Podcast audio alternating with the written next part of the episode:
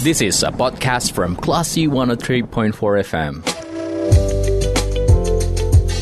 Sumbar melawan Corona, persembahan Classy FM.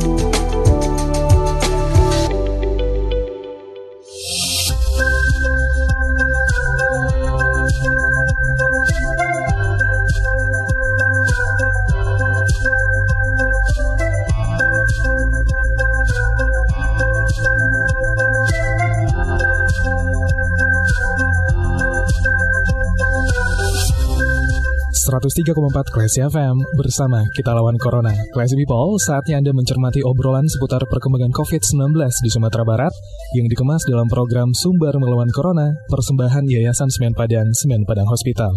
Classy People, kali ini kita sudah tersambung via telepon ada Dr. Amanda Putra, ia akan berbicara seputar kira-kira apa sih titik lengah selama pembelajaran tatap muka untuk anak-anak kita yang mulai beranjak untuk melakukan uh, sekolah secara tatap muka. Langsung kita sapa di sore hari ini. Assalamualaikum, selamat sore dokter. Waalaikumsalam, selamat sore ya. Gimana kabarnya dokter sore hari ini? Alhamdulillah baik. baik. Alhamdulillah. Baik dokter. Nah, uh, beberapa waktu yang lalu pemerintah memutuskan untuk melakukan pembelajar pembelajaran tatap muka untuk anak-anak SD sampai SMA nih dokter. Dan juga uh, harus kita perhatikan bagaimana sih titik lengah yang mesti diwaspadai agar anak-anak yang mulai ke sekolah itu tidak terpapar COVID-19. Nah, ketika anak mulai berangkat ke sekolah, titik lengah yang seperti apa sih yang harus diwaspadai dokter? Uh, kita tahu kan anak sekolah biasanya kalau nggak diantar orang tua kan dengan kendaraan umum ya. Lagi di Padang kan ada angkot ya. Mm-hmm. Nah, uh, titik lengah kalau berangkat anak sekolah itu di kendaraan umum terutama yang paling berperannya di mana paparan dengan sekitarnya paling sering. Mm-hmm. Uh, terus lingkungannya juga kita nggak tahu kondisi lingkungan di angkot itu sebelumnya terus sudah kita naik anak-anak itu ke sekolah dengan angkot bagaimana. Hmm. Jadi mungkin untuk anak sekolah sebaiknya sih dengan diantar orang tua ya, uh, atau dengan kendaraan sendiri, guna menghindari paparan dengan orang lain bersama. Baik dokter, apa sih yang harus dibekali untuk si anak-anak ini ketika, let's say kalau misalnya mereka emang harus bisa berangkat menggunakan transportasi umum, apa yang harus mereka persiapkan untuk uh, menyikapi uh, agar terhindar dari COVID-19? Silakan dokter. Ya. Tentu pertama yang pasti masker ya. Hmm. Tentu masker.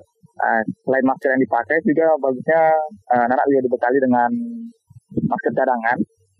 Kan nanti bisa kotor karena bersin ataupun karena kotoran lain waktu perjalanan ya. Hmm. Sama tentunya hand sanitizer dan juga nanti di uh, uh, diingatkan ke anak-anak yang di sekolah itu untuk menjaga jarak waktu di uh, kendaraan umumnya. Kalau bisa yang jangan yang terlalu padat ya hmm. untuk milih kendaraannya. Bisa kalau di Padang kan bisa naik trans misalnya ya. Hmm. Kalau angkot yang kadang kita lihat kalau angkot agak susah ya karena selalu berdesakan kalau misalnya penuh ya kan. Betul sekali. Baik dokter. Nah, udah berangkat sekolah. Nah, ketika si anak-anak mulai untuk uh, seperti beli jajan atau mungkin beli hal-hal yang mereka inginkan, apa yang harus diwaspadai nih dokter? Ketika hasrat ingin beli jajan di sekolah kan juga uh, kita nggak tahu nih, kita tidak menjamin kebersihannya. Gimana harus kita berikan pesan kepada anak-anak kita? Memang kalau anak-anak di sekolah memang tidak kita hindari dengan jajan ya. Mm -hmm. nah, di mana jajan itu kan uh, kadang memang yang terbungkus ya, ah, tapi ada juga jajanan yang terbuka ya. Nah, itu kan terpapar dari, dari udara bebas, dari apa interaksi dengan orang-orang. Jadi untuk menghindarinya ya sebagai orang tua baiknya bekali anak-anak itu dengan bekal makanan dan minuman dari rumah sehingga anak-anak perlu harus jajan ke kantin misalnya, tidak harus kumpul-kumpul di kantin karena misalnya kelaparan atau kehausan ya. Nah, pada itu yang makan dan anak-anak juga kalau misalnya terpaksa harus jajan uh, diingatkan untuk memilih makan uh, makanan atau jajanan yang tertutup ataupun terbungkus sehingga uh, bisa terjamin uh, kebersihannya baik terpaparan dari debu atau debu ataupun paparan dari aerosol ataupun droplet dari orang-orang sekitar gitu. Baik dokter. Nah sejauh ini dokter pernah ngelihat nggak sih gimana kayak anak-anak yang mulai uh, melakukan kegiatan sekolah, um, kegiatan pembelajaran langsung di sekolah itu apakah dokter sudah melihat mereka sudah secara 100% mengerti soal protokol kesehatan atau mungkin masih ada yang mungkin sedikit acuh soal 5M atau gimana dokter? Kalau untuk anak-anak ya kita ya nggak bisa pungkir ya. Kadang ada sebagian yang patuh, ada sebagian yang uh, kurang ya, bisa karena nggak nyaman atau karena pengap ya pakai pakai masker di ruang kelas lagi asik-asiknya ngobrol lagi suka apa bergelut misalnya. Misalnya maka pasti berapa anak ada kalau ada yang pas masker waktu di kelas biasanya. Maka itu peran dari sekolah terutama hmm. waktu pelajaran itu untuk mendisiplinkan atau menerapkan protokol kesehatan kepada anak-anak uh, siswanya sehingga dengan pelajaran tatap muka ini memang cukup bagus untuk dari waktu generation ya. Uh, tapi juga harus peran aktif dari pihak sekolah ataupun guru dan juga diikuti dengan potongan dari orang tua untuk menjaga protokol kesehatan di sekolah. Uh, sehingga paling tidak walaupun mungkin tidak bisa 100% ya memastikan anak-anak itu memakai masker selalu di selama di kelas tapi kalau dengan ada pengawasan dari guru uh, dan uh, sekolah tentunya uh, sehingga kita bisa meminimalisir uh, risiko paparan ataupun kejadian yang tidak diinginkan dengan uh, apa corona saat ini gitu. Hmm.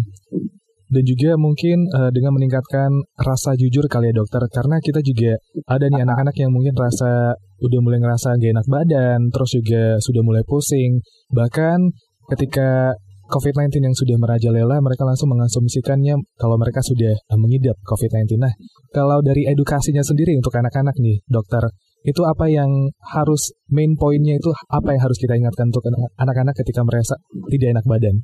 Kalau untuk anak-anak, ya tentu mereka harus uh, melaksanakan harus jujur ya, harus jujur kepada pertama yaitu ke orang tuanya, ya dari orang tua juga harus memperhatikan anaknya bagaimana kondisinya saat itu. Kadang anak-anak nggak mau jujur itu pertama karena takut absen di sekolah hmm. dan mengurangi nilainya gitu ya. Betul sekali. Nah, sehingga dia waktu merasa nggak enak badan eh, biarlah nanti daripada absen nanti kurang nilai di sekolah katanya gitu.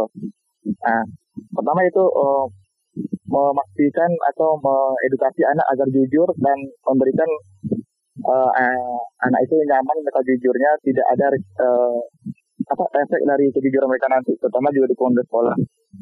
Uh, kan kalau dulu kalau misalnya anak-anak nggak sekolah, sekolah pasti ngungkit-ngungkit ini benar sakit apa enggak gitu. Jadi anak-anak jadi takut merasa sakit, sakit merasa takut karena tidak dipercayai. Hmm. Jadi sudah sekolah pun selain anak juga jujur, sekolah pun harus bisa mengerti kondisi anak saat itu sehingga anak juga berani untuk jujur uh, kalau dia nggak enak badan gitu. Baik dokter. Nah, sebelum kita mengakhiri kebersamaan kita di sumber melawan corona, boleh dokter dokter semacam closing statement untuk class people yang uh, mungkin masih gusar ketika anak-anaknya mulai belajar tatap muka di sekolah. Silakan dokter closing statement untuk meyakinkan orang tua kalau dengan info-info yang dokter share tadi bisa semacam bekal untuk mereka aman bersekolah. Ya, untuk orang tua ya, mungkin pasti ada rasa khawatir untuk anaknya yang mulai sekolah tatap muka, yang di tapi yang penting uh, selain penting memang penting untuk pelajaran tatap muka ini untuk uh, perkembangan edukasi anak sebenarnya. Tapi orang tua juga, jangan khawatir apalagi karena corona ini. Yang pertama yang penting orang tua memat, uh, membimbing anak untuk mematuhi protokol kesehatan yaitu pertama yaitu memakai masker, itu anak dengan masker, dengan cadangan, uh, beri bekal makanan sehingga anak juga bisa berkurang paparannya dengan lingkungan kita dengan uh, lingkungan sekitarnya. Terus kalau bisa kalau anak-anaknya memang memang khawatir banget, uh, kalau anak-anak harus naik kendaraan umum, kalau bisa di jemput aja untuk untuk menghindari uh, kekhawatirannya. Sebenarnya kalau anak-anak patuh kepada protokol kesehatan, uh, risiko penularan COVID-19 ini uh, bisa kita minimalisir, bahkan bisa kita hindari begitu. Jadi untuk orang tua nggak perlu khawatir, cukup uh, patuhi protokol kesehatan dan jaga jarak tentunya ya. Gitu. Oke dokter, terima kasih banyak waktunya dokter di sore hari ini. Ya, sama-sama. Oke, okay. semoga informasi yang dokter bagi bisa bermanfaat untuk, kita semua. Jaga kesehatan terus dokter dan selamat bertugas kembali. Assalamualaikum. Ya, Waalaikumsalam. Baik kelas people, demikian sumber melawan corona sore ini, persembahan Yayasan Semen Padang, Semen Padang Hospital. Kita ke program selanjutnya. Terima kasih. Anda sudah mencermati program Sumber Melawan Corona. Cermati podcast obrolan ini di www.classfm.co.id atau download aplikasi Classy FM.